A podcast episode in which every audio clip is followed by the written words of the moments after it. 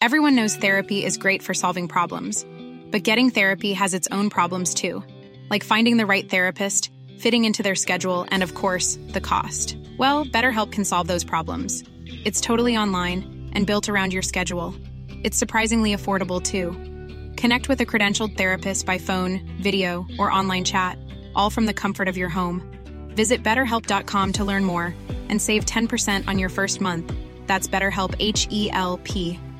Life is full of awesome what ifs, and some not so much, like unexpected medical costs. That's why United Healthcare provides Health Protector Guard fixed indemnity insurance plans to supplement your primary plan and help manage out of pocket costs. Learn more at uh1.com. I'm Sandra, and I'm just the professional your small business was looking for. But you didn't hire me because you didn't use LinkedIn jobs. LinkedIn has professionals you can't find anywhere else, including those who aren't actively looking for a new job but might be open to the perfect role, like me.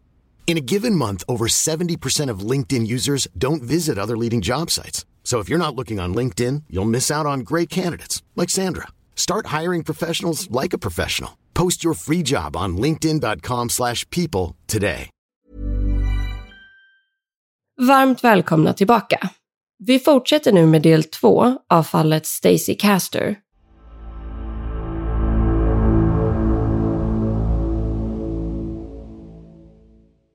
När Stacey togs in på förhör av polisen så insåg hon ganska direkt att de nu var henne på spåren. Typen av frågor som ställdes var någonting helt annat än de konversationerna som hon hade haft med polisen tidigare. Hon visste dock inte hur pass mycket polisen redan hade koll på. Under utredningen hade polisen bland annat fått tillåtelse för att kunna avlyssna Stacys telefoner. Utöver det ska de ha monterat upp en övervakningskamera utanför hemmet och en på kyrkogården där båda hennes makar låg begravda. För Stacy hade, praktiskt nog, ordnat så att båda männens gravstenar var placerade precis intill varandras. Trots detta ska hon aldrig ha tagit sig tiden att besöka kyrkogården eller lämna några blommor vid varken Michael eller Davids gravar. Något polisen tyckte var lite misstänksamt eftersom Stacy ska ha älskat båda sina makar så otroligt mycket. Däremot ska hon ha besökt kyrkogården ett par dagar efter det här förhöret eftersom att hon nu insåg att man hade grävt upp Michaels grav. Under förhöret frågade polisen Stacy om de två glasen som hittades på sängbordet bredvid Davids döda kropp inne i sovrummet. Hon ska nämligen ha sagt att hon kunde minnas att hon hade hällt upp tranbärsjuice till David någon gång innan han dog. Stacy fick sen följande fråga. Do you remember which glass you poured the cranberry juice into? Och Stacy svarade då Well, when I poured the antifree, I mean, I mean the cranberry juice. Och det här uttalandet är ju suspekt nog genom att hon av misstag börjar prata om att hon skulle ha hällt upp antifreeze i ett av glasen. Men det fanns också en annan detalj i den här meningen som nästan skulle bli mer avgörande för Stacys öde. Och det är faktumet att hon säger Antifree snarare än det korrekta antifreeze. Men det här kommer vi in lite mer på om en stund. När polisen ifrågasatte hennes uttalande om anti-free så ska Stacey ha blivit väldigt arg och defensiv och sagt att de försökte sätta dit henne och att hon ville ha en advokat. Därefter avbröts förhöret. Ett par dagar passerade efter det här och Stacy började nu bli mer och mer nervös och desperat. Hon insåg såklart att hon inte låg bra till hos polisen och var nu tvungen att göra någonting åt saken. Troligtvis var det i samband med detta som Stacy kokade ihop en ny typ av plan för att hon själv inte skulle behöva sona för de här fruktansvärda brotten. Ännu ett par dagar senare, den 12 september 2007, så hade det blivit dags för Stacys äldsta dotter Ashley att börja studera på college. Hon hade nu hunnit bli nästan 20 år gammal under hennes allra första dag i skolan så dök det upp två poliser som sa att de behövde prata med Ashley om hennes pappa, Michael Wallace. Där och då blev hon informerad om att hennes pappa inte alls hade dött av en hjärtinfarkt utan att han hade blivit förgiftad och att det alltså handlade om ett mord. Det här var såklart en enorm chock för Ashley som direkt ringde upp sin mamma för att berätta om vad som hade hänt. Polisen avlyssnade fortfarande Stacys telefoner så man kunde därför höra henne fråga Ashley om exakt vad som hade sagts under samtalet. Därefter ska Stacy ha sagt att de hade haft en tuff dag båda två. Hon föreslog därför att Ashley borde komma hem och att de skulle ta en drink tillsammans. Och trots att mor och dotter ska ha varit lite mer som vänner så ska de normalt aldrig ha druckit alkohol tillsammans. Men som många andra 20-åringar så tackade inte Ashley nej till en drink när det väl bjöds. Speciellt inte efter att ha fått reda på den här typen av nyhet. Dessvärre varade inte kvällen särskilt länge, för efter att Ashley hade druckit större delen av drinken som Stacy hade ställt fram så började hon känna sig väldigt trött. Till slut valde hon därför att gå och lägga sig. Dagen efter kände hon sig fortfarande lite hängig, men bestämde sig ändå för att åka iväg till skolan igen. Stacy föreslog att de skulle ta ännu en drink tillsammans när Ashley sen kom hem igen. Sagt och gjort så slog sig mor och dotter ner och Stacy bjöd på en ny drink. En drink som enligt Ashley smakade väldigt äckligt. Hennes mamma ska därför ha gett henne ett sugrör och sagt att hon skulle sätta sugröret långt bak i munnen och dricka snabbt så att hon inte kände av så mycket av smaken. Och som de allra flesta personer gör så litade Ashley såklart på sin mamma och gjorde därför som hon sa. Kort därefter började hon återigen känna sig extremt trött och gick därför och la sig för att vila. Morgonen efter, den 14 september, så hittades Ashley nästintill livlös av sin lilla syster Brie. Hon andades knappt och ska ha stirrat rakt ut i luften med öppna och panikslagna ögon. Däremot gick det inte att få kontakt med henne. Brie hämtade då Stacy som ringde till larmcentralen för att få hjälp. Under det här telefonsamtalet så förklarar Stacy förvånansvärt lugnt och sansat att hennes dotter har druckit en hel flaska vodka och tagit en massa olika tabletter. Inne i sovrummet hittade Brie också ett långt dataskrivet brev som ska ha varit från Ashley.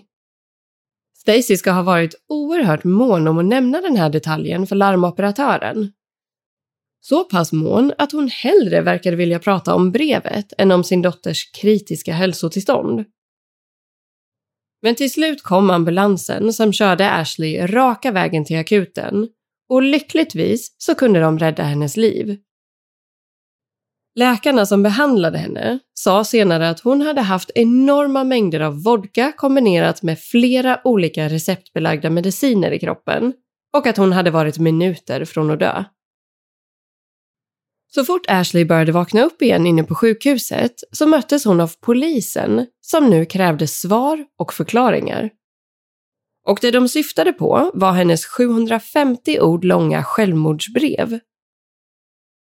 Innehållet i brevet var i korta drag att hon erkände sig skyldig till att ha mördat både sin egen pappa Michael och sin styvpappa David och att hon hade gjort detta genom att förgifta dem med antifreeze Brevet var kärleksfullt riktat till Stacy och hon förklarade också att hon nu hade bestämt sig för att ta sitt eget liv. Längst ner fanns signaturen Ashley, men även den var datorskriven, precis som resten av brevet. När Ashley fick höra om allt det här på sjukhuset blev hon väldigt förvirrad. För det sista hon kunde minnas var att hon drack en äcklig drink som hennes mamma hade bjudit på och att hon därefter hade gått och lagt sig. Hon hade absolut inte försökt ta sitt eget liv. Hon hade inte skrivit brevet och hon hade definitivt inte mördat varken sin pappa eller styvpappa. Polisen synade bluffen ganska direkt och insåg att det troligtvis var Stacy som låg bakom den här manövern. Något de blev ännu mer övertygade om i samband med att de noterade en återkommande detalj i det här brevet. För vid flera tillfällen i brevet så nämndes antifreeze. Men avsändaren hade inte skrivit antifreeze utan antifree. Precis så som Stacy hade uttalat ordet under ett tidigare förhör med polisen. Hon ska senare ha försvarat sig med att hon bara uttalade ordet så för att hon sa fel och avbröt sig själv. Men polisen var övertygade om att Stacy helt enkelt trodde att det hette antifree och att det var först efteråt som hon insåg sitt misstag.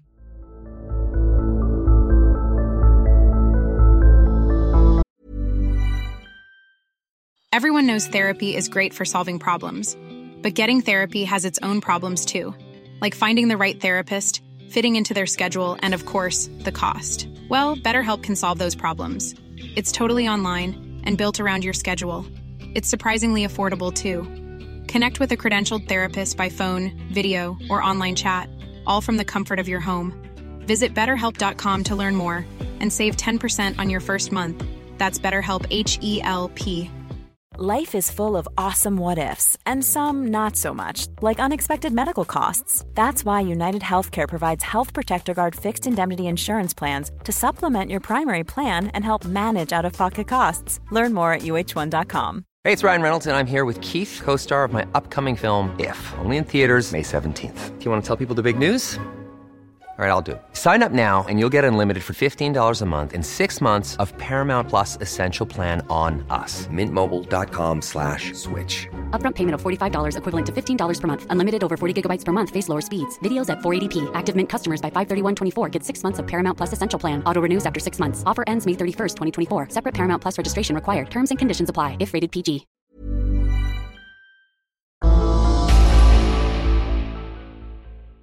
Senare samma dag, alltså den 14 september 2007, så greps Stacey Caster av polis misstänkt för mordet på sin make David Caster och mordförsöket på sin egen dotter Ashley Wallace. Och man bestämde senare att även Michael Wallace död kunde användas som bevis under rättegången som påbörjades i januari 2009. Stacy tog hjälp av försvarsadvokaten Charles Keller Enligt honom var det solklart att den då 11-åriga Ashley Wallace mördade sin egen pappa Michael eftersom att han hade favoriserat hennes lilla syster Brie. Hon ska också ha mördat sin styvpappa David eftersom hon ogillade hans beteende. De hade däremot inte särskilt mycket konkreta bevis att komma med, till skillnad från åklagarsidan. Den ledande åklagaren i fallet, William Fitzpatrick, kunde ju i princip välja och vraka bland alla de bevismaterial som fanns tillgängliga. Utöver fingeravtryck och DNA så gick man igenom allt det materialet som hade spelats in vid avlyssningen av Stacys telefoner. Och det verkar inte ha varit något speciellt i själva inspelningen som var avgörande i sig. Men däremot hade hon sagt flera saker som inte stämde överens med sanningen. Till exempel att hon hade försökt ringa David flera gånger innan hon larmade polisen, när hon egentligen bara hade ringt en gång.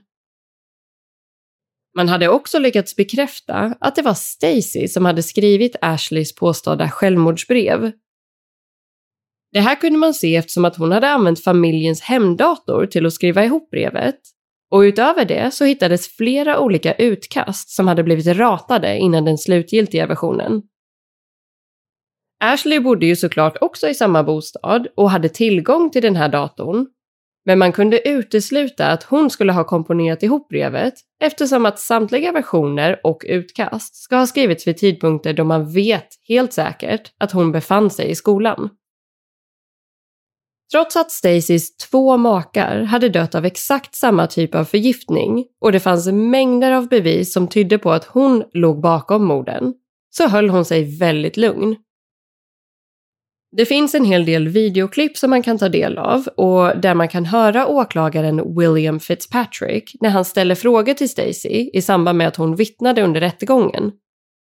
Och jag kan säga att jag har nog faktiskt aldrig sett en advokat skrika på det här sättet. För han är verkligen så arg på Stacy och på de svaren hon ger.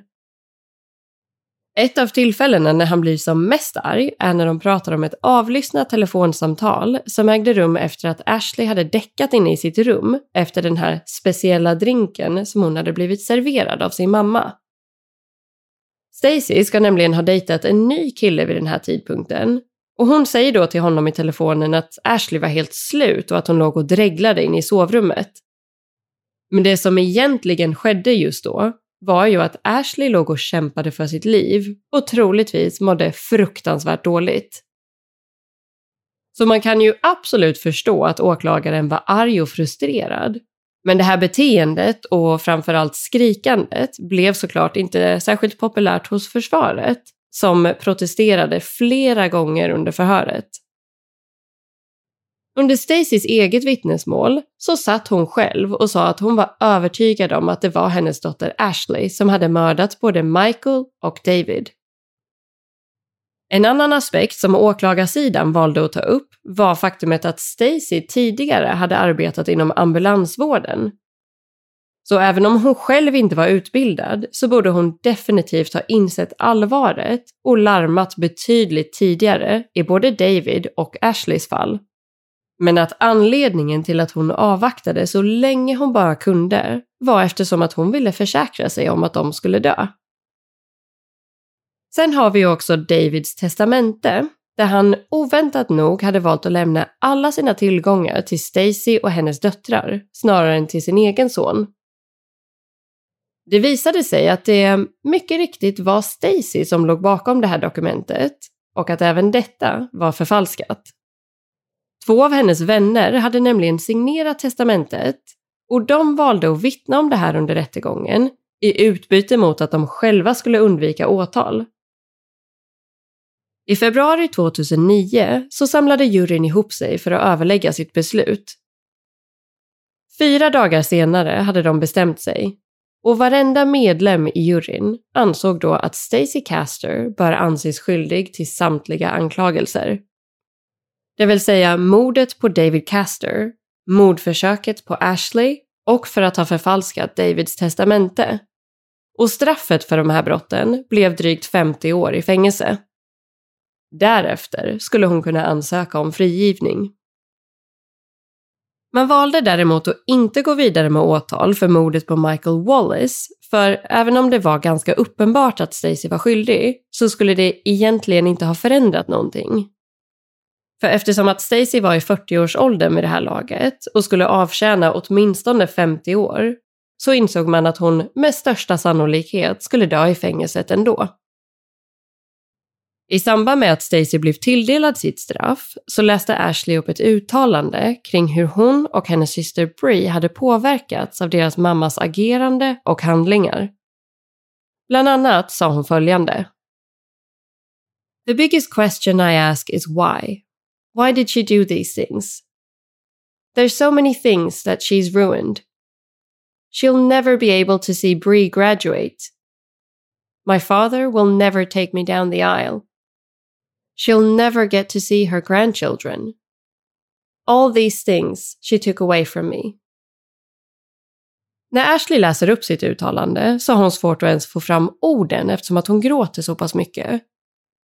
Och Bree står precis bredvid och kramar om henne. Och jag tror faktiskt att de allra flesta skulle bli väldigt berörda av att se och höra det här uttalandet. Men en person som inte verkade bli det var Stacey Caster. I videoklippen från det här ögonblicket så filmas Stacy flera gånger och hennes ansiktsuttryck är då helt blankt. Hon visar inga känslor överhuvudtaget och verkar inte ens bli det minsta påverkad av det som sägs. Den ansvarige domaren under rättegången gjorde också ett uttalande som var riktat till Stacy. Han förklarade då att han under sin långa karriär aldrig någonsin hade varit med om en förälder som hade försökt mörda sitt eget barn i syfte att sätta dit dem för ett brott som personen själv hade begått. Han uttryckte också att Stacey Caster definitivt var i en klass för sig. Trots att hon dömdes till ett så pass långt fängelsestraff så skulle Stacey inte hinna spendera särskilt många av de åren bakom galler i juni 2016 så hittades hon död inne i sin cell på fängelset Bedford Hills. Och man kunde senare bekräfta att den då 48-åriga Stacy hade dött till följd av en hjärtinfarkt. Hon stod fast vid att hon var oskyldig ända fram till den här dagen. Och enligt uppgift ska det finnas ett fåtal andra personer som fortfarande skulle hålla med om detta. Bland annat hennes mamma, Judy Eaton.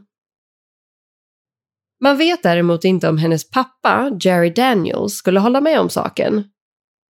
Han dog nämligen år 2002 och det finns vissa misstankar om att Stacy ska ha varit inblandad även i hans död. Anledningen till detta är att hennes pappa Jerry var inlagd på sjukhus för ett mindre och relativt ofarligt lungproblem.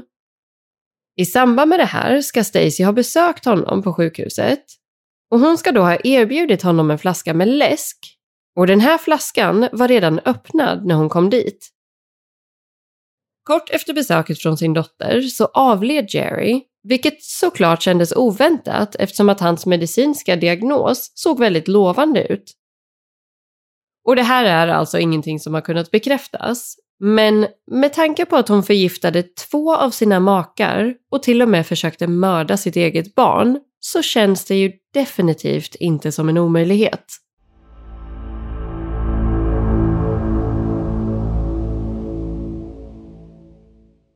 Ja, en sak kan man ju i alla fall säga. Och det är att Stacy, hon kom undan betydligt lindrigare än vad både Michael och David gjorde. Om man nu ska jämföra hur deras dödsfall gick till. Jag ska inte gå in på massa detaljer kring det här, men att bli förgiftad av etylenglykol, som alltså finns i antifreeze, det verkar fruktansvärt utdraget och plågsamt. Så, mm, ja, man kan nog inte annat än att hålla med om att Stacey Caster verkligen var en klass för sig. Men jag hoppas i alla fall att ni har tyckt att den här veckans avsnitt har varit intressant att ta del av. Och eh, tills vi hörs igen nästa måndag så säger jag helt enkelt tusen tack för att just du har valt att lyssna på det här avsnittet av Risa-podden.